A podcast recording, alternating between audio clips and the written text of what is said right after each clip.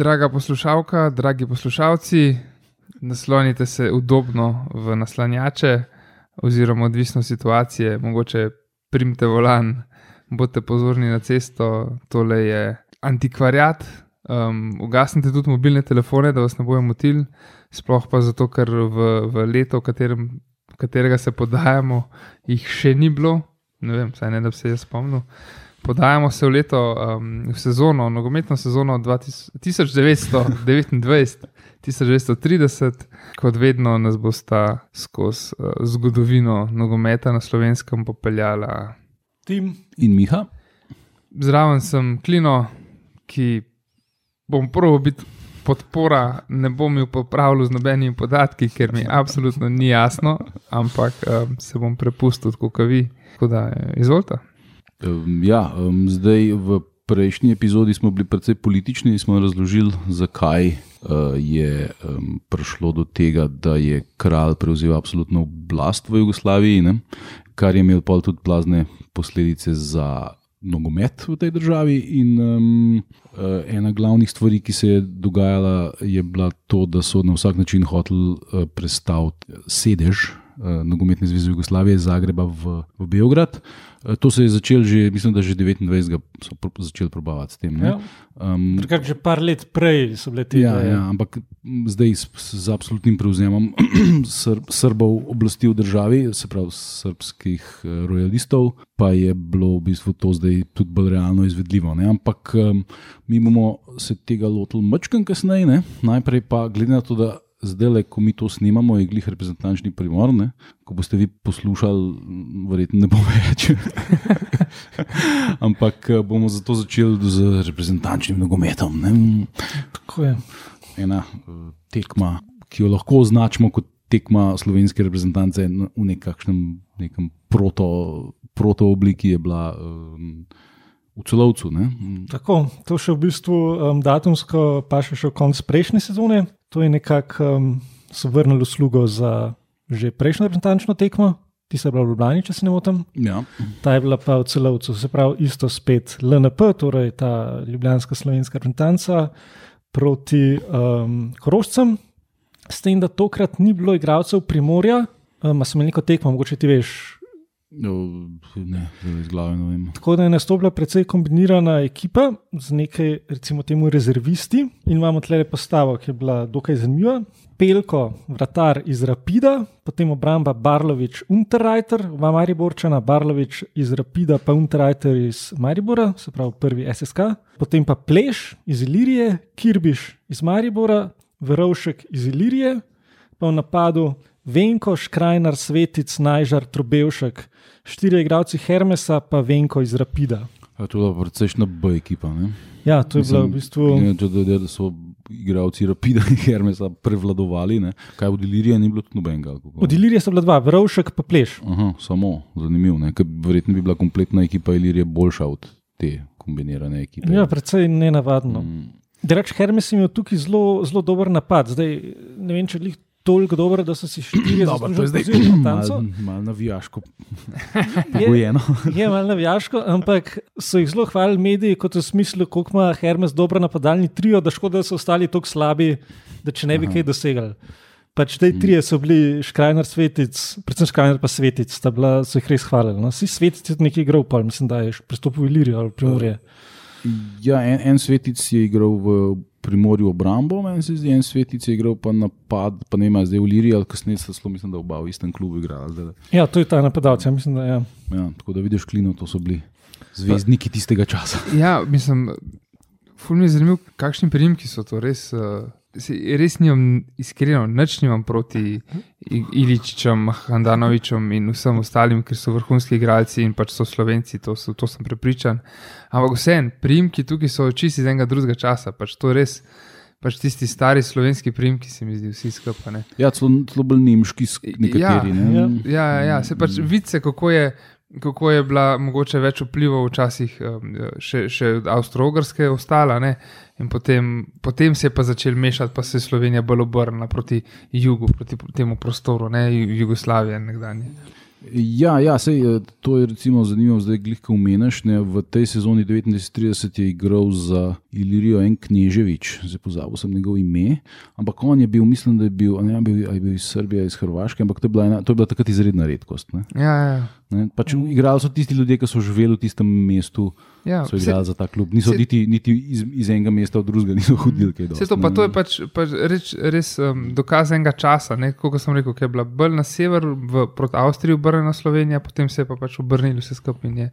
Je- Ja, Ja, in takrat zdaj igramo s Kazahstanom, takrat smo s Koroško, ja, pa to, ja, tudi vse, vse to, kar si rekel, ja, ni bilo teh migracij. To, ja. Ja, pa bili so klubi amaterski, ne, tako da v bistvu tudi niso imeli denarja, da bi kupovali tujce in so pač igrali tisti, ki so bili tam. Ja, ja, zdaj tisti tuj, v narekovajih tujci, ki so igrali, so bili pa v bistvu, kdo ki je prišel študirati v Ja. Ljubljano. Recimo Šime Poduje, en od uh, legendarnih figur iz zgodovine Hajduka, ne, je igral in za Primorje in za Ilirijo, ko je študiral v Ljubljani. Ja, ja, ja. Um, in pa ta, ta Kneževič, ki sem ga pravkar omenil, tudi, pa je bil še en Dramičanin. Tudi, ne.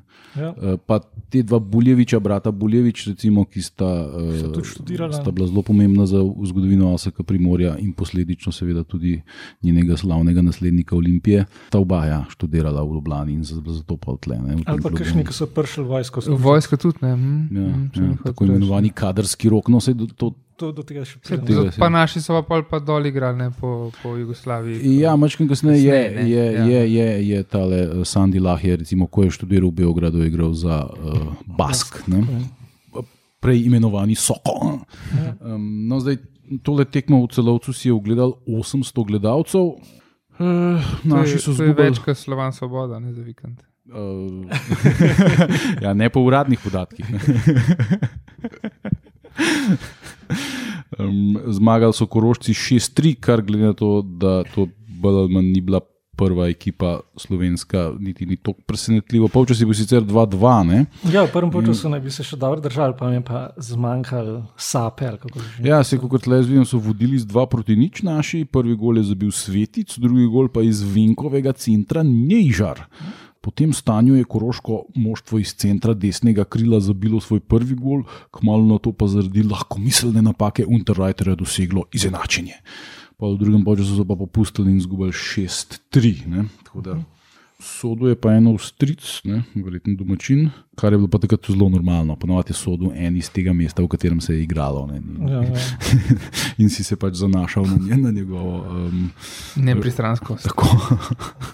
tako da ne imamo še kaj o tej slavni tekmi zapovedati. No, to, to vse ni bila toliko slavna. E, tale, sem prej se zmotil, um, tale Nejžar, oziroma Najžar, mislim, da je pravilno, um, je bil iz Maribora. Iz prvega slovenskega Tako, sporta. tako da so bili samo trije iz Hermesa v napadu.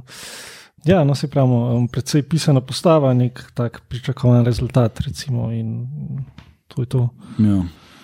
Ok, gremo naprej.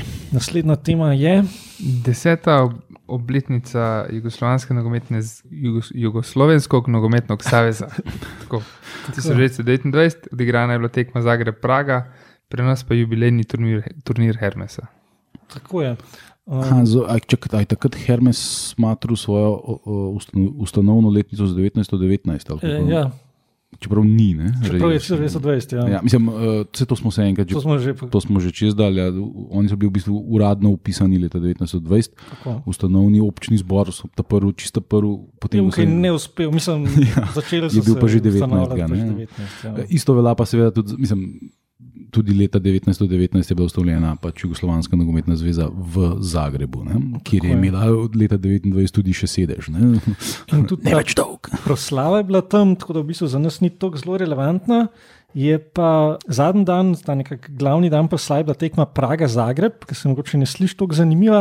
Je pa treba razložiti, da je bilo to v okviru gostovanja Čehoslovakov, ker je bila reprezentančna tekma dva ali tri dni prej na praznik, pač Jugoslavija proti Češko-Slovaški.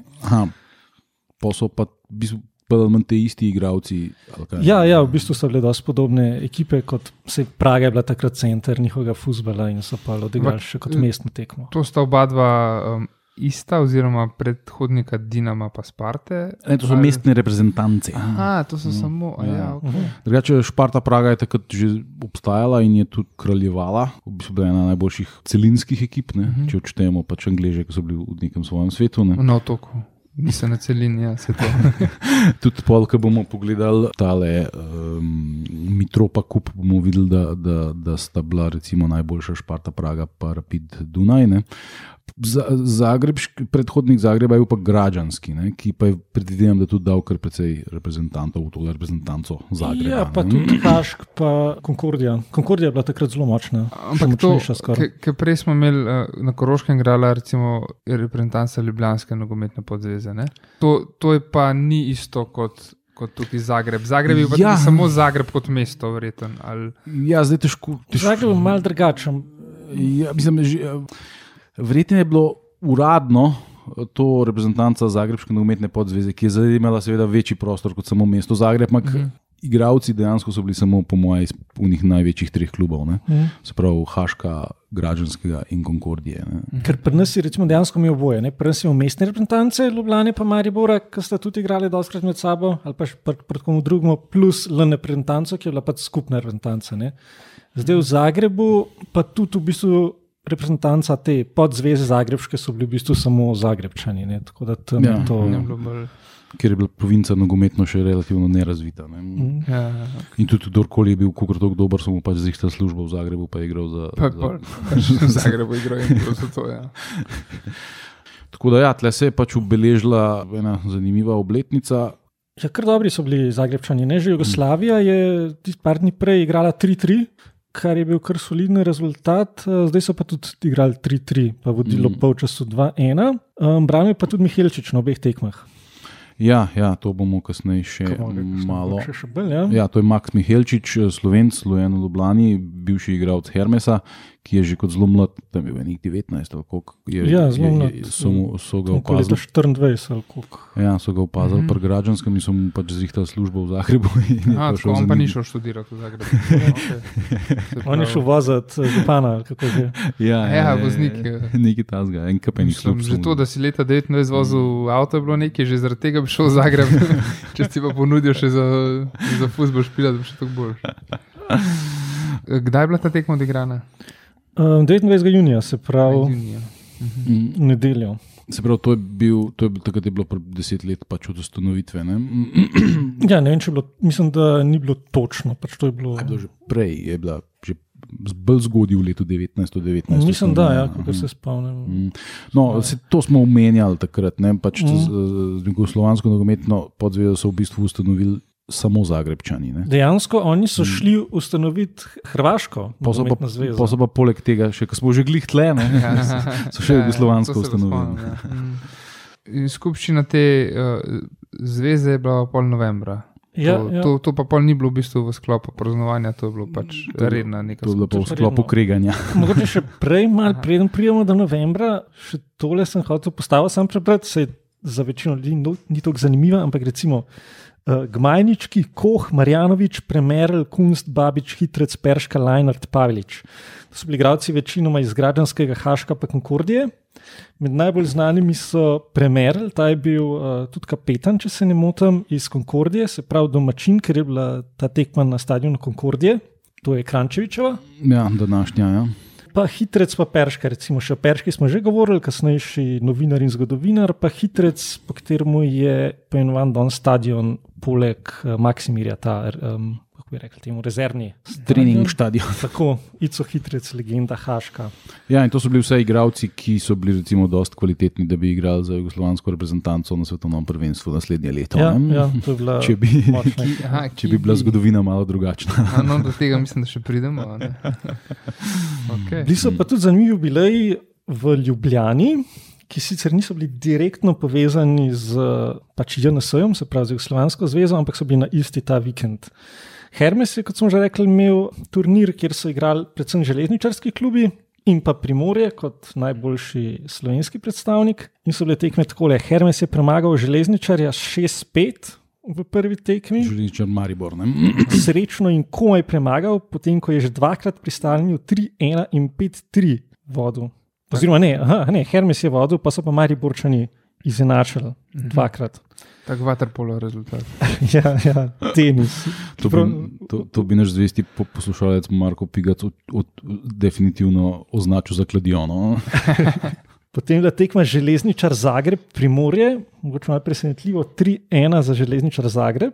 Želiča Zagreb. Ja, to je bil pač ta Železničar Zagreb, sedanja lokomotiva. A, okay. ja, vse je kar logično na um, razvoj imena. No.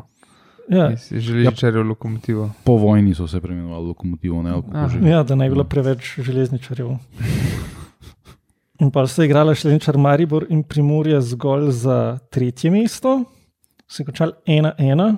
Ne vem, ali so pa še kaj žrebali, kdo je bil tretji ali ne. Finale je bil pa Železničar Zagreb Hermes, je pa zmagal Železničar iz Zagreba s 3-1. Torej, bodoča lokomotiva je Tako. Poharala jubilejni turnir. Čak sem to je bilo pač zaradi Hermesovega praznovanja desetletnice ali zaradi JNS. No. Zaradi Hermesa, to sem Ja, rekel, ja, ja. zaradi Hermesa je bilo v bistvu. Ampak se pravi, ne vem, ali so pa dali za nalož na ta dan. Aj, da je bilo istočasno, Ja, kot Praga ali je Zagreb. to slučajno. Se pravi, to je bilo na isti, isti dan. so Ja, ja, odigrali, isti koga- vikend. Ja. Takrat je bil še nek praznik, je bil video dan ali kaj, tako da mogoče je bilo več dni fraj. Se pravi, v bistvu je druga ekipa železničarja, ki prva je verjetno bila veliko v reprezentanci. Ne, ne, te so Ne? bili, Ne, ne. te, te, te so bili drugorazreden klub Aha, v primerjavi že, že z, takrat. z Haškom in eh, Aha, građanskim Građanskim temi. Ja. Ja, dvomim, da je kakšen od Aha, železničarja, aha, maksimalno en, pa še to dvomim. Aha, aha. Pa so bile pa še jubilejne svečanosti v Mariboru, je pa tudi bilo, predvsem vreme je bilo slabo, no, drugače so imeli zanimiv program, ampak so se pritoževali v časopisih, da je vreme vse pokvarilo. Hm. Nek vrhunec je bila pa tekma s Facom, se pravi ta Floridsdorfer atletik klub, ki smo ga zadnjič enkrat omenjali iz Dunaja, oziroma takrat še neko predmestje, oziroma mestece zraven del Dunaja. No? In je bilo tri nič za Dunajčane. Kar je še relativno nizek rezultat. Recimo, ja, ta, ta fac je bil tudi eh, prvak, če se ne motim, Avstrije, par let predtem. Ja, avstrijski nogomet je bil je že takrat že profesionalen. Mislim, vsi klubi so bili z Dunaja, ne? ampak so imeli svojo prvo ligo in so, uh, igrali, so bili vsi pač plačani za to. ne. Mm. Ja, mogoče še tole čisto na kratko. Po zelo uspelem uvodu jubilejne slavnosti prvega SSK Maribor z včerajšnjim večerom dravskih čovnarjev v četrtek se je v petek do povdne vršil slavnostni občni zbor jubilanta. Zborovanje je bilo najboljši dokaz ugleda in spoštovanja, ki ga vse stransko uživa prvi SSK Maribor, ne samo v sportnem, temveč v splošno nacionalnem in kulturnem življenju Mariborskega mesta. Zborovanju so poleg polnoštevilnega članstva vseh odsekov in glavnega upravnega odbora prisostovali najvišji predstavniki oblasti, tako med drugimi veliki župan dr. Šaubah, podžupan dr. Lipold in tako naprej. Uh, ja, sej, recimo po drugi svetovni vojni ne, so oni sicer kar neki kvačkali gore dole, združevali klube, jih razdruževali, skupaj dajali, ampak na koncu je ta branik, ki je izšel iz tega ne, eh, kvačkanja povojnega, se je smatral za naslednika direktnega od prvega SSK Maribora in je tudi kasneje še obeleževal vse te obletnice ne, in tudi knjige izdajal ob, ob praznih obletnicah. Ne. In potem pa leta 60 neslavno postal um, drugi klub v Mariboru, in potem kasneje tudi tretji, in potem ga hmalo ni bilo več. Ne. Ja, ravno tukaj, sicer nimam sabo, no, ampak če bi imel, glede na to, da smo radijska oddaja, ne bi mogel pokazati, je Maribor, se pravi prvi SSK Maribor, izdal prvo knjigo v slovenskem nogometu, sicer za desetletnico. A, Sprav, glih tle 29. Tako, Mm. lepa, bogato okrašena, izjemno kvaliteten papir, trde platnice. Ja, boš po fotku, pa bomo dali. Pa bomo dali. Bomo fotografirali. pa dali, Ja. Ja, komot, ali pa kakšen članek objavimo tudi. a Ne? Tako da, ja, to je, se pravi, kar se teh slavnih jubilejev tiče, je to. to. Ja, tako se je pa Um. končala ta sezona 29 in Mm. gremo Um, Je na skupščino pol, ne? lahko. ja, to je bila pa skupščina, ki ni uspela. Ne? Tako je. Aha. To je bil en od poskusov, da se prenese. Uh, Taka To je bil prvi poskus, ja. kjer so imeli Srbi zagotovljeno večino, ampak ni prišlo do glasovanja, oziroma Zagrebčani so protestno zapustili. Ne? ja, bilo je In, tako. in s tem onemogočili dejansko izvajanje skupščine. Ne? A ni bilo tako? Ja, Mislim, um, skupščina je bila v Zagrebu. Ne? najprej so imeli predloge za, za neko prejšnjo stvar, in že tam so pač zmagali Srbi. In to gladko, 212 glasov proti 134, kar pomeni, da je bilo jasno, da bodo tudi pri pač ostalih stvarih zmagali. Ne? In pa tako le bom prebral. Nastala je buka, a predsednik odreduje glasanje Zagreb ali Beograd. Glasanje počelo je velikim vzbuđenjem i delegati se okupljajo oko predsjedništva i debatiraju. Glasanje je bilo javno, mada je delegat Riger predložil tajno. Kot glasanje je prozivanje delegat Beteto, Ljubljana, glasa sa svojih deset glasova za Beograd. Nastaje užasna buka, povici, fuj, lupanje po klupama, udaranje nogama in v buci ne čuje se glas predsednika, ko je želi slišati uzrojene duhove. Redarstvo izpražnjuje galerije, dolezi do strke kot skrutatora, ulaze redari in 8.30 večer, kada nitko nije mogao tišati buku, oblači predsjednik dr. Pandaković kaput i proglašuje skupštinu raspuštenom. Nakon daljnje buke i pokusa da dr. Hadži na predsjedničkom mjestu nastavi skupštinu, buka se još uvećaje i na posljedku raspušta istu izaslanik redarstva. I tako je završila skupština Jugoslavijskog nogometnog saveza. Torej, začeli so razbijati, začeli so se dreti en pred drugim. Ja, in je policija pa razpustila skupščino. Um, se to je bilo tako Ja. nekako jugoslovanski parlament. Ne? Ja, ja, Ja, zdaj, zanimiva je pozicija naših. Ne? tako je, Eh, vse zato sem tudi prebral, ker Mm. je um, v bistvu Ja. Se pravi, naši so dali 10 glasov za za Beograd. Ja. za Beograd. Eh, S tem, da pol kasneje, to skupščino so pol ponovili, mislim, da marca ali kdaj, Ja, ta 1930. Kasneje je Primorje začelo podpirati Zagreb, kako ne. Ja, to je Mm. bilo zelo zanimivo. Ne? Marca je bila kot nova skupščina, ker pač ta ni uspela, in do takrat so se že razmere malce spremenjale. In naj bi po pisanju sportnega lista Primorje začel paktirati z Zagrebčani. Zagrebčani so pa vmes od tega pol leta ustanovili, mislim, da več kot 100 klubov je pisalo. Ki bodo imeli vsak svoj glas. Bo fiktivni, ja, ker vsak klub ima en glas. In da naj bi nabrali več uh, glasov kot, kot Beograd, in tudi za Primorjem, oziroma s to skupino okrog Primorja, ki v LNP sta imela Primorje, pa Ilirija nekako popolne, um, so se zmenili, da naj bi Primorje glasovali za Zagreb. Potem pa, ko so začeli skupščino, je po ukazu policije bilo določeno, da to ni nova skupščina, ampak da se nadaljuje ta prekinjena skupščina, ki smo jo zdaj opisali. In da Se novi pravi, oni glasovi ostanejo pri Beogradu, ker so že, jih, že takrat jih dali Beogradu in jih ne morejo zdaj Ne, spremeniti. ne ali to, kako, ampak ne? da tistih 140 ali koliko Aha, klubov klubov ne velja. ne velja, ker še kukar jih ni. Ne? Pokazal policije. Ja, pokazal policije. ne, Tako tle si videl, koliko je bilo v bistvu to politično motiviran. Ja, ker Ja. ja. policija je bila krepko v rokah pač kraljeve Seveda, diktature. seveda. ne. Mm. Je pa tudi zanimivo, da je bil Eugen Beteto tako blazno za Beograd. Zakaj? Ne?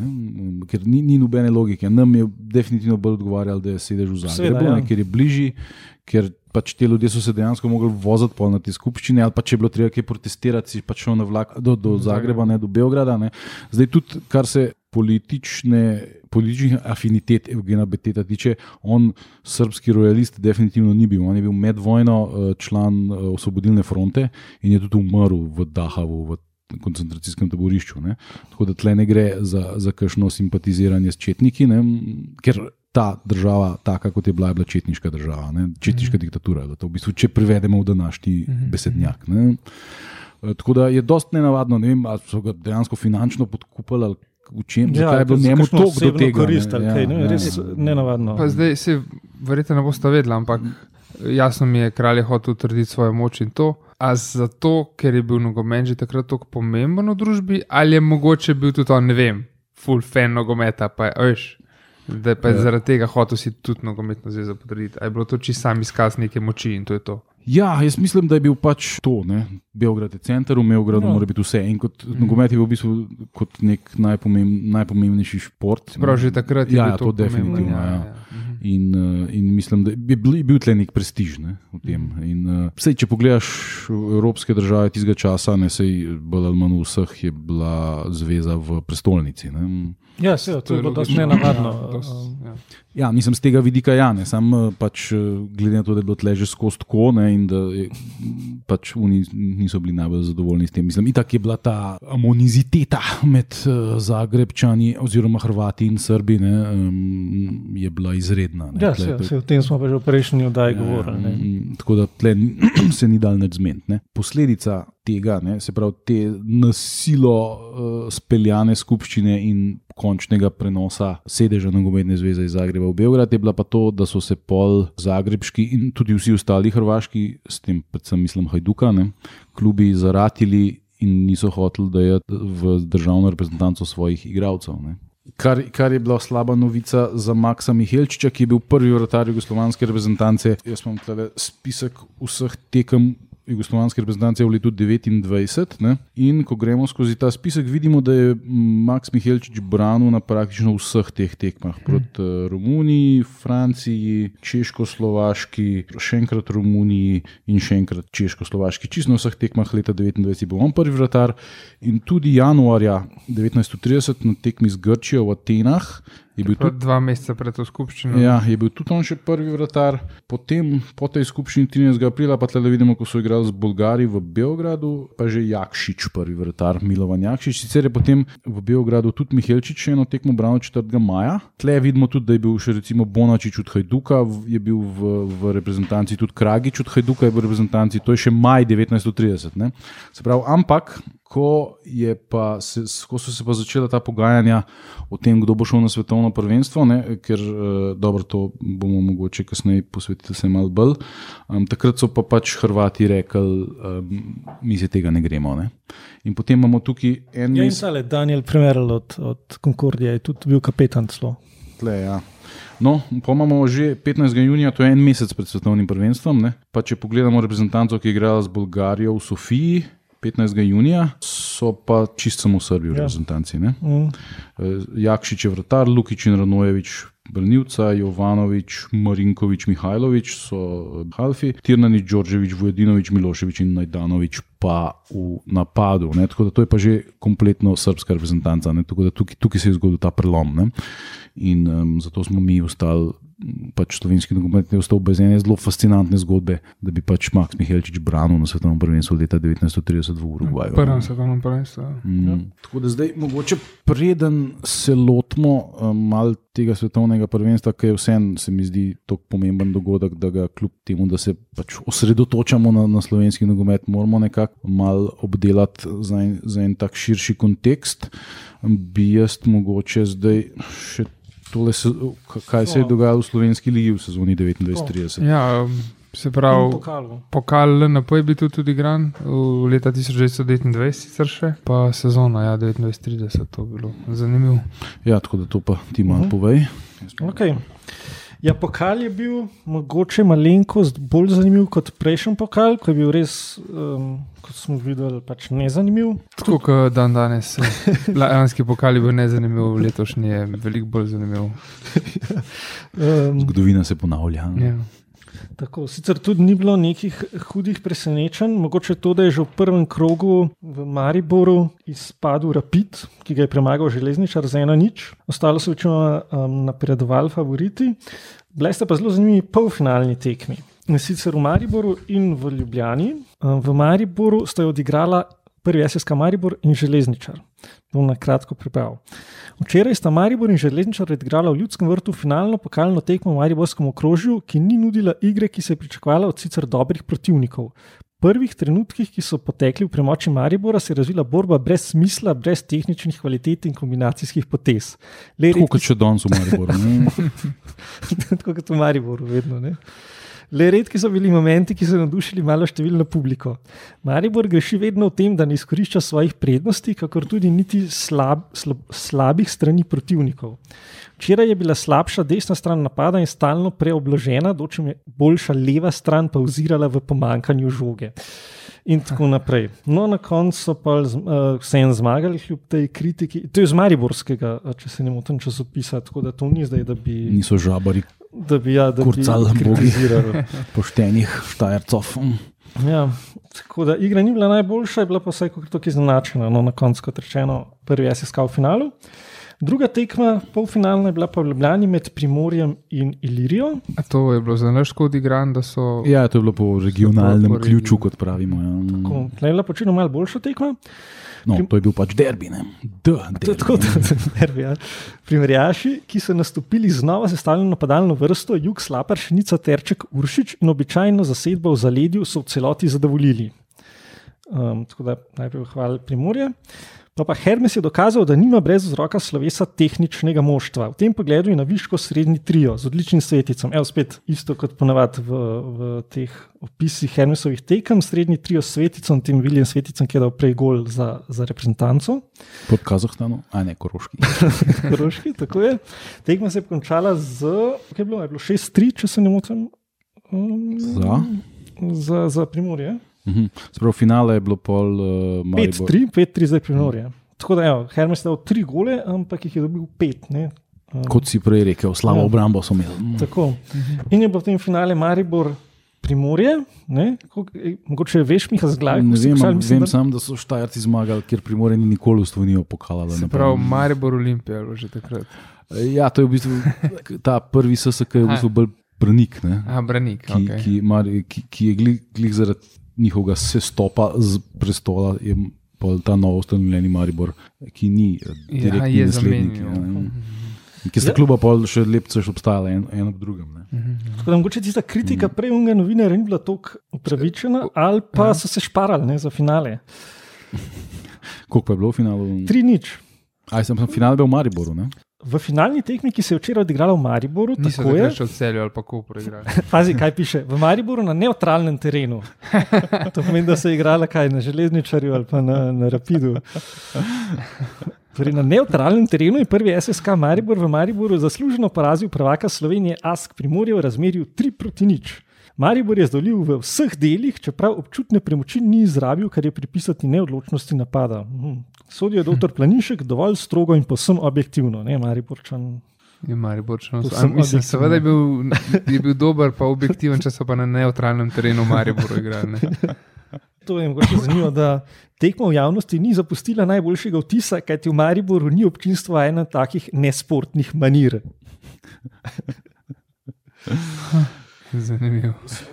Če pa zdaj preskočimo iz pokala na prvenstvo, smo imeli pa spet eh, klasično razdeljen na Maribor, Celje in Ljubljano. Ne? In uh, potem zmagovalci teh treh okrožij so napredovali naprej, s tem, da sta pol Maribor in Celje igrala med sabo, pa pa še finalista iz Ljubljane in uh, zmagovalec pol finala med sabo. Ne?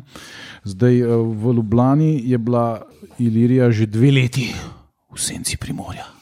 Tako da je derbi uh, oktober 29 pritegnil spet 2500 gledalcev, to je lepa cifra. Ne? Na igrišču Primorja, se pravi, to je igrišče nasprot Bezigrajskega stadiona, Zdaj pumpa. Kjer je danes pumpa. Ja? Um, Nobene plakete še bomo mi kar sami postavljali. ja. um, in je Ilirija je zmagala z 2 proti 1, ne? in tako da tle se je, začel, je, je, je začela počasi Empire Strikes Back. Ne? Se obračati. Ja, ja. Ker vsi ostali so bili v tej ligi tako nekonkurenčni, da če si zmagal derbi, si bi praktično. Ja, to je tako, kot ženska liga zdaj. Ne? Tako, ja. Ja, če, če, Je če. Olimpija premaga prek Murke, so Je- prvaki. je to to, ja. Ja. Eh, Primor je celo en remiz nekom zbral. Ja, očitno so bili res indisponirani v tej polsezoni. ne. Pol spomlad ne, je bila pa to zadnja tekma spet sezone, zadnje kolo. Če bi Primorje, mislim, da je bila, so bile dve pike razlike, in če bi Primorje zmagalo, bi bilo pač spet odvisno od ko- koeficienta. Ja, eh, ker takrat so bile seveda še, seveda še dve piki na, na zmago. Dve ne. piki in ni, ni bila razlika v golih, ampak količnik. Ne? Tako da Količnik. eh, je. eh, Se pravi, kaličnik. Uh, Deljenje pač. aha, golov. Koliko si jih dal, deliš, koliko si jih dobil. in- Ja, ja, tako je zapisan, 3 proti 2, Ja. ja. to deliš. Ja, ja. Do 85 minut je Primorje na tej tekmi pred 2000 gledalci na stadionu Ilirije vodilo, pa je pa Oman izenačil in je bilo 2-2 in je, in bilo, in je bila Ilirija uh, ljubljanski prvak najprej. Tle je dost, eh, recimo, če se spomnimo klasične Ilirije, je iz, eh, začetka in sredine 20-ih je to že precej druga ekipa. Urbančič je bil recimo v golu, ne? Strehovic in Bergles sta bila branilca, pa so bili Pogačnik, Varšek in Lado Zupančič so bili halfi.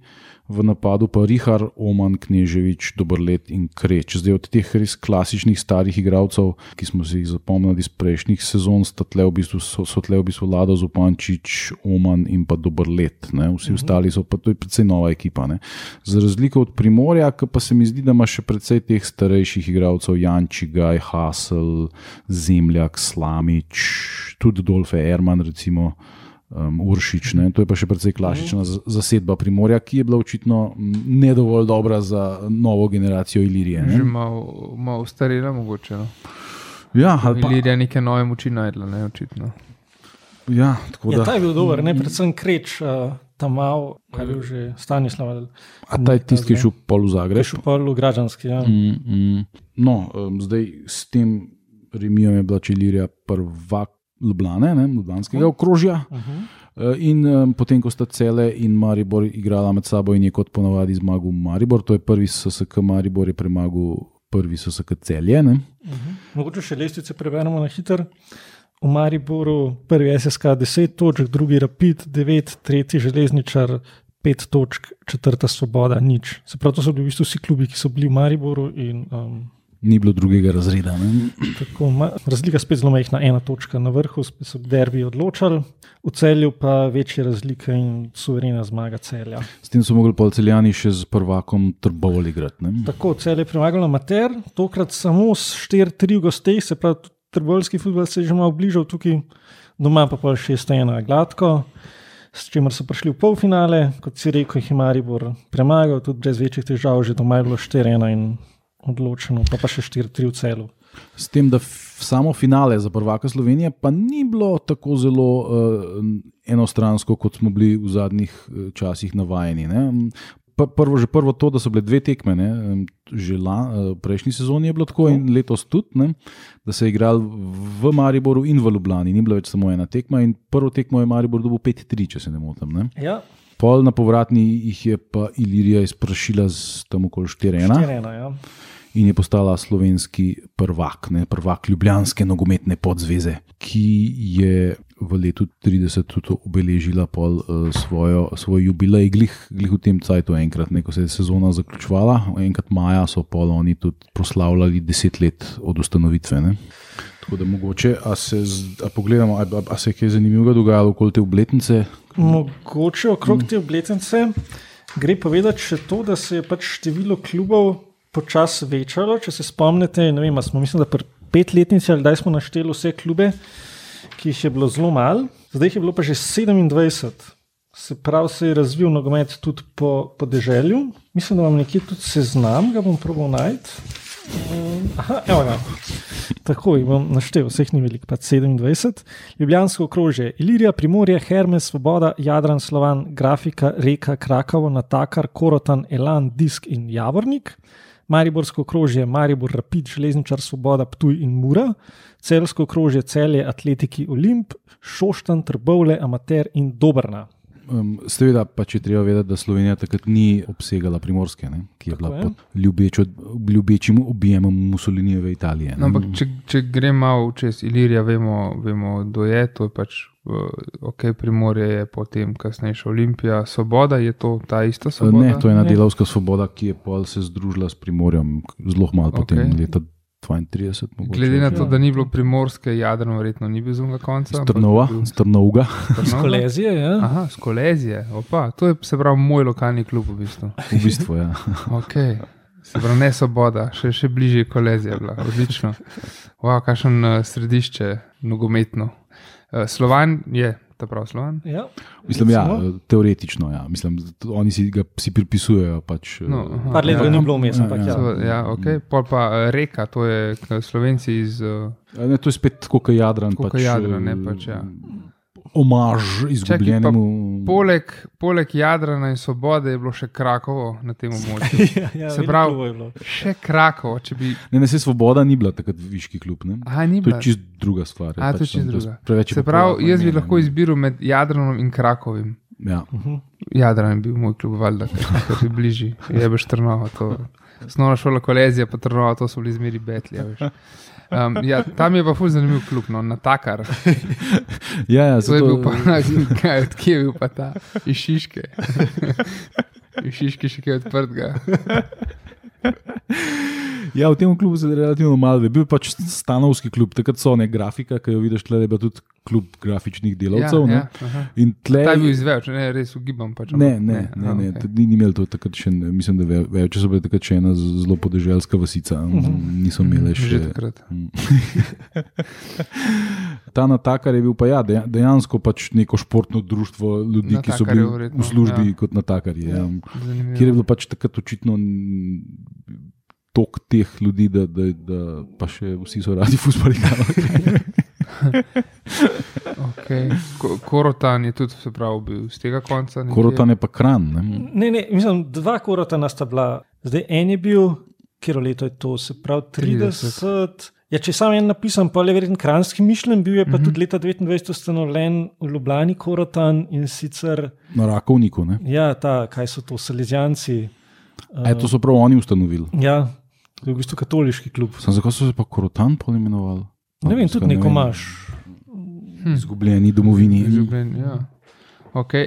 Elan ugibam, da ni ne z begunjami, ne z novim mestom, nima veze. A, Novo je, je to je pač, nov Je meški Novo klub. Ja, mesto. ja. Aha, Okay. Oni si tudi pač lastijo tradicijo tega kluba. Ja, še danes. ja, ne. okay.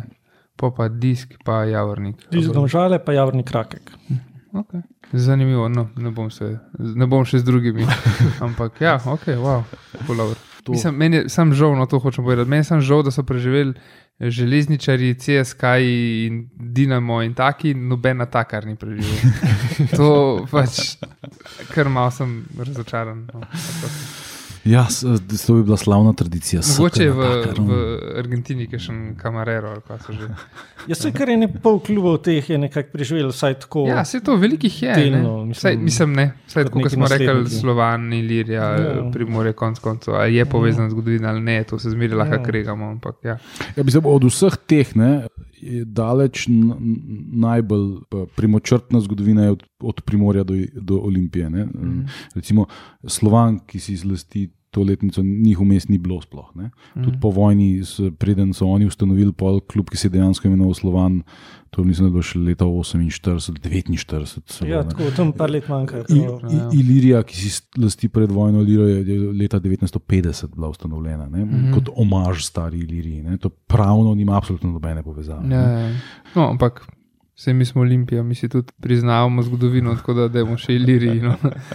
Ja, sem pa nas res nikoli ni bilo nobene luknje vmes, razumeš? Ne? Ja, pa se še par takih, Mura recimo ima tudi dost. Uh, Ja, pa Ja, no, okay, Muro so tega, tega tudi. konca eh, nisem šel čez, ampak ja, tudi zanimivo. Po, po vojni uh, so Muro razpustili zaradi tega, ker v tistih mačarskih ligah igrala. Oni so Ja, ustanovili so ja, fiskulturno društvo ja. Muska sobota. Ne, Ja. Se ki, potem Tako da ja, smo.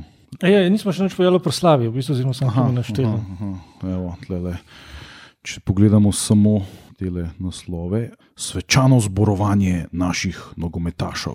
Pokal mesta Ljubljana je po žrebu dobila štajerska reprezentanca, ne vem, je to futbol ali kaj drugega. po žrebu. Wow. Ja. Mislim, finale, ne se to se je dogajalo, ampak wow.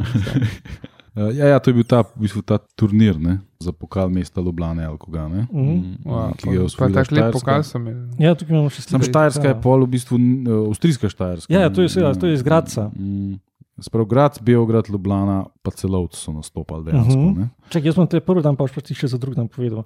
To je bilo za vikend. Prvi dan je bilo reprezentanca LNP proti Koroški 7-3, tokrat očitno s prvo postavo. In pol, uh, druga tekma Beograd Gradec, se pravi te Štajerci, uh, 3-3. Pol pa drugi dan, Je bilo pa Beograd, Ljubljana 1-0, pa Štajerska, Koroška 1-0. Je bilo malo manj golov. se pravi, v bistvu vsak je igral dve tekmi, čeprav so bile že. Ja, niso igrali cele grupe, ne? Mm. Mm. dost nenavadno. Nisem imel sajta, je bi ga. um, Hiter se vidi, da je boljši, gremo naprej. In v bistvu Štajerska pa Beograd sploh nista igrala med sabo. Ali... ja, Ja, se očitno, očitno ja. ni, Očitno, nisem, ja. če bo tako malo tekam. Ja. Mm. Ja, v bistvu so imeli dva dni, ne? imeli so Mm. vikend, za, za, za, Mm. pa so mogli pa oni dam, ne? ker to so bili ljudje, ki so bili drugače v službah. Ne? Ja, se, ja. Pa to je bila samo reprezentanca, ne, niso bili njihovi klubi, ki so jim ponovadi zrihtali službe, ne verjeten. Ja, ja. Da- pa pol tudi dopuste, če je bilo treba. Tle je lahko eh, manifestacijski občni zbor LNP. Zelo svečano je potekal občni zbor, ki se je vr- vršil včeraj do povdne v posvetovalnici mestnega magistrata. Prisotnih je bilo mnogo odličnih zastopnikov našega športa, vseh panog. Občni zbor je otvoril predsednik gospod Miloš Žibaž, ki se je zahvalil Banu inženirju Sernecu, komandantu Dravske divizije generalu Stripkoviču in ljubljanskemu županu dr. Pucu, da so prevzeli protektorat nad proslavo desetletnice LNP.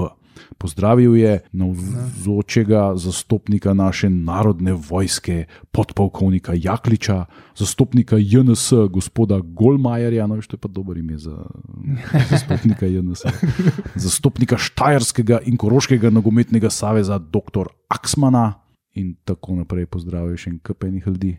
Zanimivo je to, še v Cajtangu so vse povedali, koga je pozdravil. Pri nas protokol vemo, da je, ampak v nobeni proslavi polupu na poročilih ne povejo, koga je govoril, vse pozdravil. Ne. Gremo naprej. Je pač. Ja, ja, to je bilo, um, takrat je bila to kar uh, klasika, vedno so navedli. ne. Mm. Okay, pa je na to je v daljšem govoru podal historijat na LNP ter zlasti podčrtal zasluge letošnjega slovenskega prvaka Ilirije za razvoj in napredek našega nogometnega športa v zadnjih desetih letih. S trikratnim sportnim zdravo, kateremu so se ob viharnih ovacijah pridružili vsi prisotni, je gospod predsednik pozdravil najvišjega protektorja, njegovo veličanstvo, kralja Aleksandra. Wow, ja. Tle, tle se tudi uh, vidi to, kakšen vpliv je imela diktatura na vsakdanje življenje, ker to mm. -hmm. pozdravljanje kralja in to je bilo, pol, je bilo res skozi treba obvezno um, uštuliti noter. Ne? Ja, In ja. tudi uh, kralj je pa tako kot Tito okoli hodil po raznih, ne vem, tam sem nekaj bral, da je bil v Sarajevu, pa je prišel v Ilijo uh, obiskati delavce, ki so se tam rekuperirali v, neki, v nekem zdravilišču in so ga pozdravili z ovacijami. Ne? Take, Ej, Absurdno je res. Ja, vid, vidiš blueprint eh, komunistične diktature, vidiš že v prejšnji Ja, četniški seveda, diktaturi. mislim, kar je- katerekoli diktature, Ja, konec koncev, ja, pač. Mm. Ja, Um, tako da, ja, dostojno so proslavili um, desetletnico Ljubljanske nogometne podzveze. Zanimivo je, da deset let kasneje, leta 40, se ni noben, ki Ne, je prav ne, zelo ukvarjal ja. s tem. Ne. Tle so pa izdali posebno izdajo eh, enega Sportnega lista, sportnega lista, kjer so zelo se podrobno ukvarjali z zgodovino v teh desetih letih. Ne. In kjer so tudi slike vseh, ali pa večine klubov takratnih. Ja, ja. S tem, da ta sportni list imela čisti Lirija. Ne. Ja, Ja, tako, zato je tudi tle recimo tako pohvaljena, ker je pač se um, malo uštulila kot matica uh, slovenskega športa, slash nogometa, ne? čeprav ni imela take dominacije več kot nekoč. Ne? Knjige pa niso nobene izdal. Ne? ne. Prva knjiga, ki obeležuje kakršno koli obletnico uh, organiziranega nogometa na slovenskem, je, je leto 1970, po mojem. Tako je, ja. Mm, mm, Ampak do, do tega je še 40 let, tako da, Imamo pa sliko tega pokala, ki ga je darovala eh, Ljubljana in je res lep. in je res lep. Ja, malo spominja na ta FA pokal, mogoče. Mogoče, ja. Ja, moram tudi jaz reči, da mi je kar všeč. No. Sicer ga težko opišem, eh, nisem ravno. Mal je faličen. Predstavljaj si si najlepši pokal, pa še malo mal bolj. No, tak je. Lahko pa damo sliko zraven, ko bomo objavili Ja, eh, poleg, eh. Poleg pune slike od knjige prvega SSK Maribora. Uh, Zdaj pa mislim, da je čas za našo redno du- rubri- Ja, čakaj, kaj pa rubriko. deseta let, obletnica svobode, ki je bila pa en teden Eh, kasneje. Samo en teden kasneje. ja. Ja. Aha, to je bil pa ta delovski klub, ki si ga ti prej. uh, Jaz sem rekel, da omenjal. ga ne bom po- popravljal, ampak sem primoran očitno. No. Ja, ja, oni so bili pa res leta 1920 ustanovljeni, delavski klub, ne, ki je imel pač pod to diktaturo gotovo izredne probleme z eh, politično oblastjo, eh, s policijo, ampak očitno so, so vseeno uspeli delovati naprej in so, ne vem, imaš ti kaj eh, napisanega v tej njihovi obletnici. Ne, nekaj sem si prebral, um, je en zanimiv klub osvojil ta nek delavski klub iz Zagreba, mislim, da je osvojil ta turnir, ki so ga organizirali za desetletnico, sem se zelo pozabil ime. Mm, mm, Radnik Zagreb. Verjetno ni daleč od resnice. Ja. Ja, to je bil, recimo, v tem trenutku so bili oni recimo, pomembnejši klub od Slovana. Ne? Slovan je bil, Ja, ja, ja. ja. je bil v B razredu eh, Ljubljanskega nogometa, te so bili pa v prvem, če se ne motim. Ne? Ja, sej prej v bistvu sploh nismo prebrali um, to je- lestvice Ljubljane. Ne. Pa odkot je bil v bistvu ta iz Ljubljana, ampak iz, iz katerega konca? Niso imeli svojega stadiona. Aha, ne. Oni so igrali ali na Primorju, ali pa na, na, na Iliriji. Ampak Tako da ne vemo pa zdaj, sedež točno, kje so imeli, pač sedež v smislu pisarne. Perološine, rekel so delavci iz Mosta, niso. Verjetno ni tam. Tako je bilo. Ja. Prva Ilirija, druga Primorje, tretji Hermes, četrta Svoboda, peti Jadran. Tako da v bistvu Svoboda je bil tle že četrti klub. S tem, da so bili prvi trije predvsej pred, pred Svobodo in Jadranom. Svoboda je recimo na četrtem mestu imela gol količnik 12, 35 in 3 točke. Sprav, enkrat je premagala in enkrat remizirala z Jadranom. ki je imel Tako je. Točko. Tako, ja. Uh, ja, no, zdaj pa, ko sem že prej Ja. Hotel povedati, ne, naša redna rubrika Lige Petice v sezoni 1929-31, se pravi v Angliji. Kaj misliš, kdo je bil prvak v Angliji? Jaz sem videl, sorry. si videl, pa sem pa gledal. bi ga, Ne, bi, ne bil Gano, no. ne, Ne bi, bil. Gano. Ne. Se, to je bil uh, četrti in omenem zadnji naslov Sheffield Wednesdaya. Aha, Mislim, sej, uh, to so vse klubi, ki so znani. Pa Ja. vem, da so bili prvaki, pa ne vem, tudi Blackpool, vem, da je bil prvak. eh, Ampak Ja, mislim, pač taki, Tle je bil angliški futbol še res zelo egalitaren. Ne? Ja. Uh, ni, ni, ni, ni bilo pač neke velike peterice ali šesterice ali karkoli, ne? ker se ni dal tako blazno, finančno se to pač ni dal tako pimpati. Približno isto so bili vsi igralci plačani in to je bilo to. Ne? Um, skratka, Sheffield Wednesday je bil angliški prvak, drugi je bil Derby County, tretji je bil pa Manchester City. Zdaj, če pogledamo še velikane današnjega časa, uh, Klino Liverpool je bil 12. Uh, 12. Ja, Ja, saj tako je tudi zdaj, ni. ja sistem nekje, tako da čisto v redu. Arsenal je bil 14, Man United je bil 17, v ligi je bilo, mislim, da 22 klubov. Ja, Eh, vse Angliži so imeli dolg, teh 22 Ja, klubov. eh, S tem, da Chelsea in Tottenham sta bila pa v drugi ligi, mm, če, pač, če gledamo te danes največje klube. Ne? FA pokal, Arsenal ga je usvojil, eh, mislim, to je bila ena To, to tudi ni več mnogo, oni imajo toliko teh FA pokalov. Da. Uh, tako da so eh, premagali so pa Huddersfield, ki je bil sicer deseti v ligi. Sprav 14 proti 10 v ligi je bil finale FA pokala, kar Ja, danes tudi ni tako blazno običajno. Ne? Sorry, uh, prej sem zamešal, ni bil Blackpool, uh, Blackburn je bil, valjda. sam sam sebi bom zameril, pa ne bom mogel spati, če nam tega popravil. Um, Uh, ja, Blackpool pa verjetno res nikoli. ne, bil, Blackpool ja. pa ne. Blackburn je pa bil na zadnje. Na zadnje 95 ga je. 95, ga, ja. No, obisk na tej finalni tekmi FA Kupa je bil pa 92 tisoč gledalcev. Ja, no, mislim, vse to je še zmeraj, ampak to je bilo dobro. Vse v Angliji se je takrat igral nogomet že dobrih 30 let. Ne?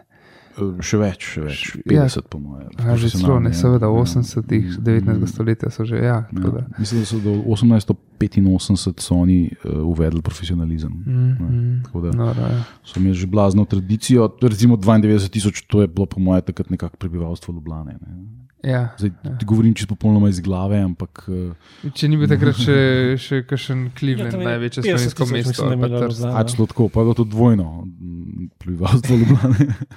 Sej se dobro, ne vem, če ni bil takrat celo Cleveland ali pa kakšen Trst, največje slovensko mesto. Ne? ja. Ker- Ker je bilo neki cajt tako. Ja.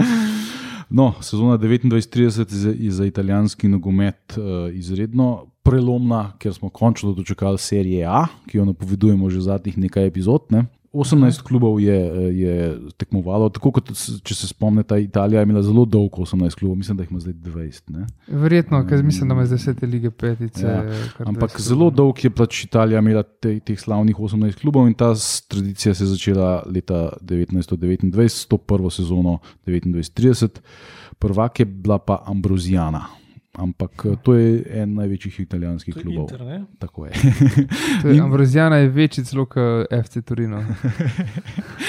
ja, um, Grande namreč Torino. um, v čem je problem? ne? Um, internacionale je bil pač ime, ki ni bil všeč uh, Benitu Mussoliniju, ker je, bil pač, eh, je poudarjal internacionalizem. Ja, ne, on je pa hotel brez je- interja sprejeti. tako je, ja, je samo nacionalizem. tako ja. je. Zakaj je. Nacionale, ja. Ja. Lahko bi sam skrajšal. Ja. Okay. Tako da so se mogli pa preimenovati v Ambrozijano v tem obdobju. Z- eh, Kaj pa je Zanimivo Brozijana, ime. mogoče veš? A če vem, kaj pomeni to. Ja, kaj? mislim, odkje so to dobili. A ja, ne, to pa ne vem, žal. Ne, nisem. Mislim, imam knjige od Intra doma, bi lahko pogledal, samo moja italijanščina je tudi um, taka bolj Dilan Dogovska. tako da. Druga je bila še en primer pre, uh, preimenovanja Genova 1893. Ne. To je, tako, to je današnja Genoa, ne, Uh -huh. ki se je pač imenovala z angliškim imenom originalno, Aha. ampak oni niso dovolili tujih imen. Ne. Seveda, ker Ne, ker smo pač internacionale. nacionale. Tako. Ja. In tako da so oni bili Genova 1893 v, v tem času. Tretji je bil uh, veleslavni Juventus, četrti je bil Il Grande Torino, peti Napoli. Napoli, Napoli, Napoli. Šesta je bila Roma, ki je bila ustanovljena dve leti prej, ne? sedma je bila Bologna, ki je bila v tem fašističnem obdobju um, tudi zelo močen klub. Imela je tudi takrat, recimo, Dons je Bologna in navijači in mesto samo, ki je tako študentsko mesto, je, je zelo levo mesto. Ne, da, mislim, da je komunistična partija Italije naj, najmočnejši podporo uh -huh. v Bologni. Takrat je bilo, ni bilo tako, ne, takrat je bil to zelo fašističen klub um, Bologna. Zato je bil tudi tako uspešen. E, v Bologni je zanimivo, da imajo, um, to je malo, čist se sem zadaval, ampak oni, oni imajo tam zelo ja, komunistično mesto, tako Via Stalingrado. Tudi, um, ja, glav, mislim, na glavnih ulicah, mislim, da je Via Stalingrado ali nekaj takega, pa veliki meni je tudi. Um, mm. Ma korenine nekih, iz nekih ruskih imen, pa to, tako da je tako zanimiva mešanica. No. Ja, ja to to. to um, ampak to je dan danes, takrat ni bilo. 11 je bil v Milano, ne, ki pač še en klub, ki se ni smel imenovati Milan. Ne. 15 je bil Lacijo, ne vem kaj na 15. mestu delo, mislim, glede na to, da. Um, Koliko jih je spadlo? Tri. Dva, izpadla sta Padova in Kremoneze, glih za glih je pa obstala triestina. Takrat je bila še, še gor. No, in Ambrozijana in Genova sta se potem uvrstili v pokal Mitropa, to bi še omenil, čisto zaradi primerjave. Danes imamo mi pač v glavi, da je italijanski nogomet neprimerno močnejši od češkega in avstrijskega. Ja, takrat ni bilo tako. Je, ne? Ja, takrat ne, ne. Ambrozijana je sicer uspela premagati Ujpešt ampak mislim, da šele po žrebu. Čakaj, ker... V kateri sezoni smo zdaj? Ker v letu 1930 je bil Ujpešt prvak Mitropa Kupa. E, ja, ne vem, tle, tle, tle imam jaz Mitropa 1930 in je četrt finale. E, bomo, bomo preverili. E, četrt finale je bilo, pa sta oba te dva italijanska kluba sodelovala. Ne? To sta pač Ambrozijana pa Genova, ne? ki sta se uvrstila sem na podlagi uvrstitve prvega in drugega v, v ligi. Ne. Tem, da je Genova izpadla proti Rapidu, recimo prva tekma 1-1, druga 6-1, tle je bil avstrijski nogomet pač močnejši od, od italijanskega. In v polfinalu recimo, je, pol, um, je pa Šparta Praga, po prvi tekmi, ki je bila 1-1 v Milanu, tudi 6-1 premagala Ambruzijano v polfinalu. Uh mhm. -huh. Kar si danes težko predstavljamo, da bo Šparta jahala Inter na ta način. Yeah. Evo, našel sem med tem. Ujpešti je bil leta 29, ki se je novembra končala sezona, prvak Mitrope, se pravi, so v bistvu aktualnega prvaka. Ja, ampak kar je zanimivo, je, da prvo tekmo so izgubili 4-2, pa so zmagali 4-2, pa so bile pa še dve ponovitve, 3-3 pa 1-1. Tako da mislim, da so polno, a ne, ne 5-3, sorry, se opravičujem, na koncu je Ambrozijana uspela premagati Ujpeš 5-3. Ja. Tako da to je bil pa mhm. verjetno kar uspešen rezultat. Ja. Mhm. Jaz sem prišel mm. po mestu tudi na uh, imena Ambrozijana. ja. In sicer je zavetnik Milana, je sveti Ambrož. Ambrož of, of Milan. In zato je v čast temu zavestniku Milana so se preimenovali v Ambrozijano. Aha, aha, no, no, vidiš, ja, to je pač malo klerikaliziralo svoj internacionalen klub, ne, kot se za fašistično mm. diktaturo spodobi. V Španiji smo imeli že drugo sezono uh, tako zvane La Lige, ki je spet kot že v prva sezona je bila uh, 1929, ki se je vse igral v roku enega koredarskega leta. Tle smo imeli pa že sezono 29-30, ki se je začela decembra 29 in pa končala enkrat naslednji let. Ne? Prvak je bil pa Atletik, Debil Bao, kdo pa drug. Igrajo se pa če spal isti klubi kot prejšnji let. Ne? Ja, ja um, ker je ta zadnji uh, ja. je, je v playoffu premagal. No, zdaj pa ni bilo tako, ne? zadnji je zdaj avtomatično izpadel, to so mhm. spremenili. Um, Atletik de Madrid, um, ki tle pač nosil še direktno ime svojega um, ja. matičnega kluba iz Bilbao. Eh, Alaves ga je nadomestil. Ampak, če pogledamo lestvico, tle bo samo deset klubov. Mm, Spravo Atletik de Bilbao je bil prvi, Barca je bila druga, Arenas je bil tretji, spravo še en baskovski klub, Espanjol je bil četrti, šele peti je bil Real Madrid. Se pravi, prvi štiri klubi so bili v bistvu eh, baskovski in katalonski. Ne? Šesti je bil spet eh, baskovski Real Union de Irun, sedmi je bil baskovski Real Sociedad, Osmi je bil Racing Santander, ki je iz uh, tele Asturije, ne? se pravi tudi daleč od centra, pol deveta je bila uh, klub iz Barcelone Evropa. Ta drug madridski klub, pač Atletico, je pa izpadel. Ne? Tako da tle, uh, recimo, je bil zelo, um, nogomet je bil v bistvu bolj razvit v teh področjih Katalonije in, ja, in Baskije. Zlasti v Baskiji, kako je bil mm. razvit takrat. Ampak zanimivo, ne? to je bila prva dvojna krona v zgodovini španskega nogometa, Atletik de Bilbao je bil največ pokalni prvak, Copa del Rey, se je pa še igrala v Barceloni na Montjuiku, ne, ki je danes olimpijski stadion. 63 tisoč ljudi, ne? premagali so pa uh, zlobni Real Madrid 3 proti 2. Leta 30. Ja, sam veš, kaj takrat je bila republika. Ne, zdaj sem, zdaj sem malo zataval, ampak leta 30. Zakaj mi tega nisi povedal, Miha? Leta 30 je Everton izpadel iz prve lige angliške. Ja, to, pa, to nisem Ja, pozoren. Burnley, to je ta klasika, da Burnley izpade iz angliške prve lige. Pa Everton sta izpadla in to The good Priznali- times. Ne, ker, ne, ker drugače Everton dejansko. Ja, Everton je zelo redko izpadel iz prve lige. Lever, Everton je klub, ki ima rekordnih 119 sezon v prvi ligi v Angliji. Mm. Mhm. Oni so ogromen klub, konec koncev, trenutno tega ne kaže. Ampak um, oni so spustili samo 4 sezone v svoji zgodovini. Ena je bila 30-31, potem ko so tako. Potem pa so spustili še sezone od 51 do 54. In to je to. Ostalo so bili vse, Zraven. ne. Ja, tako da dejansko Everton je po tem gledan en največjih evropskih klubov. Ne? Ja. Seveda pač Luvrike jim niso uprit, ampak še zmeraj so oni eden najbolj odlikovanih angliških klubov tako, v Angliji. Pač, no. Ja, se ima, če, če odšteješ te največje, imajo največ naslovov, po mojem. Ja, vse to je. Oni imajo um, ja, ogromno enih naslovov, Um, um, tudi domačih. Mislim, pa- predvsem domačih, vse to v tujini, pa mednarodno pa niso neki. To niti ne. Ja. Hmm. No, če še pogledamo zdaj Francija, um, so tudi igrali samo Coupe de France, ne, čeprav se zelo bližamo tudi ustanovitvi uh, lige uh, v Franciji, pan-francoske lige. Ne. Na Kolombu, pred 35 tisoč gledalcev, kultni stadion v Parizu.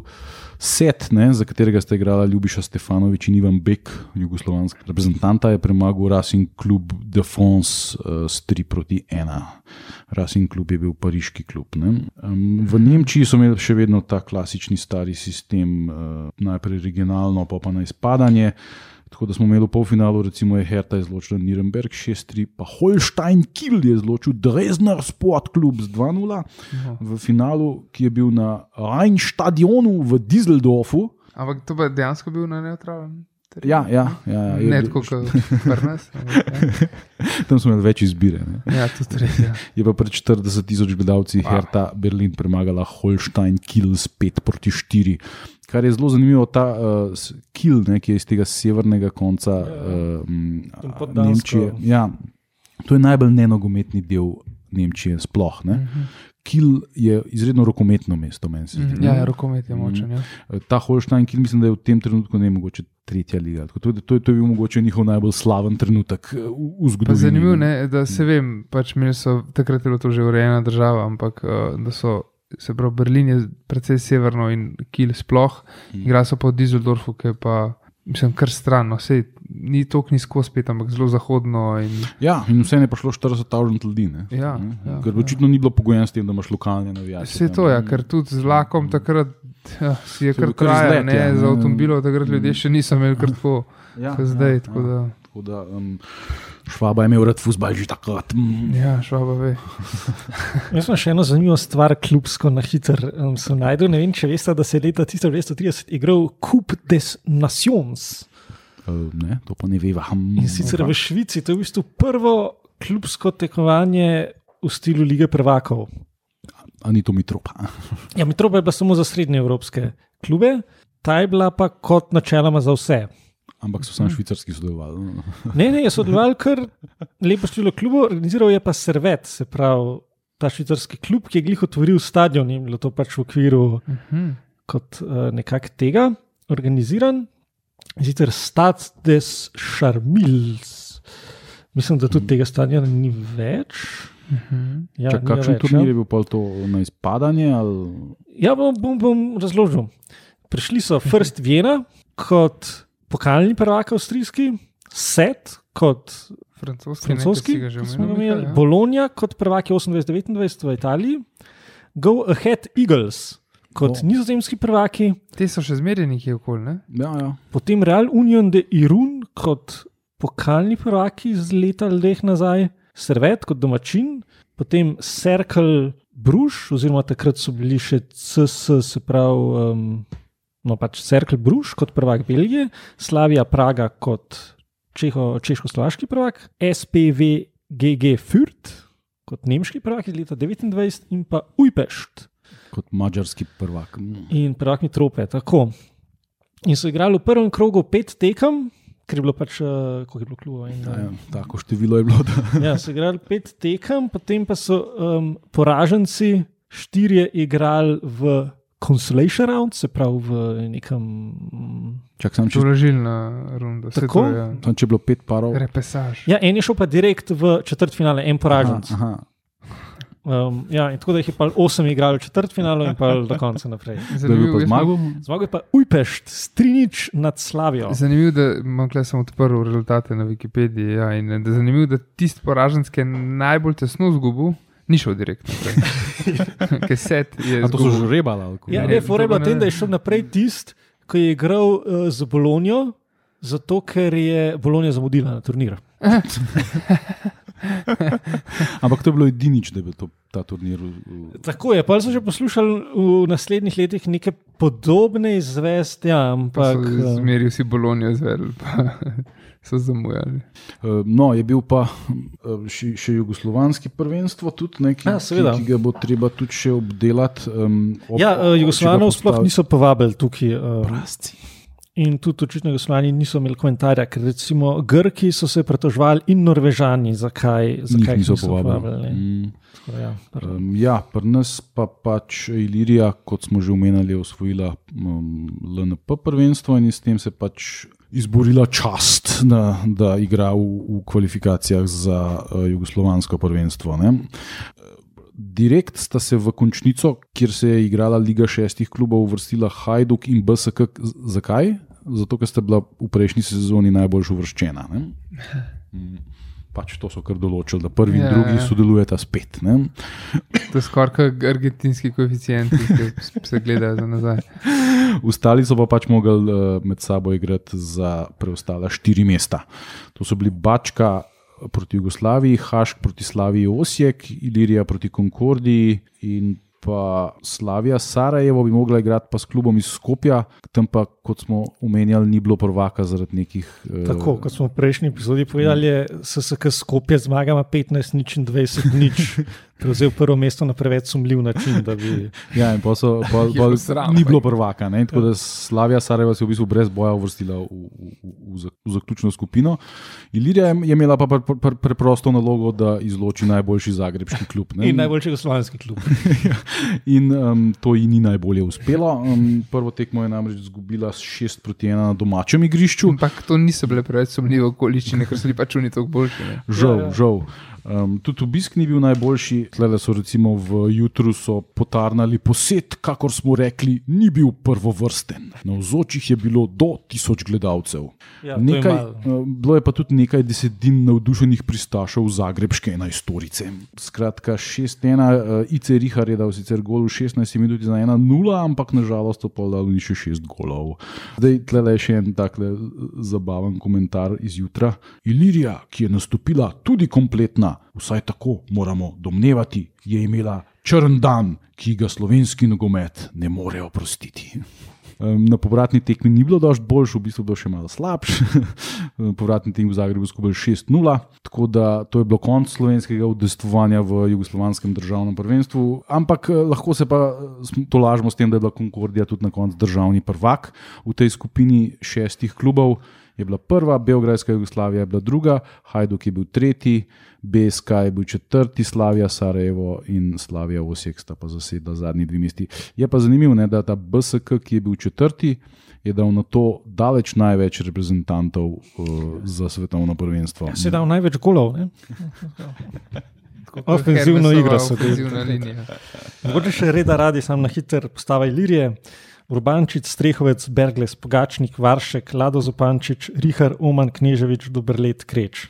To je ista ekipa, ki smo jo že v bistvu, je. ki je premagala Bolj ali Primorje. manj ne. prva ekipa, tisto, ko je že ja, Mm, prej. mm, Tako je bila kompletna, Tako. kot so, kot so ugotavljali v jutru. Tako da ja, za, um, za danes bi bilo mogoče to dosti, mislim, da smo naša dva poslušalca že kar utrudili. Smo že uh, okoli ene ure dolgi, ne? tako da klino, kaj ti praviš, imamo dosti. Ja, jaz bi sicer zelo rad slišal še o, o največjem dogodku v nogometu 1930, ampak uh, Vsi smo že pokazali na to. Pa kup denations tudi. vse smo že obdelali. tako Da, ja, izpad Evertona je tudi že bil obdelan, to je res, ampak um, svetovno prvenstvo v Urugvaju bomo pa že naslednjič. Ja, to bomo pa, to bomo pa v nas, s tem bomo pa začeli naslednjo epizodo, tako da upam, da jo boste nestrpno pričakovali. In, Tako, pa upam, da je tudi hitro da Najlepša hvala vama, pa vsem obema poslušalcema. Um, se slišimo naslednjič. Tako. Nasvidenje.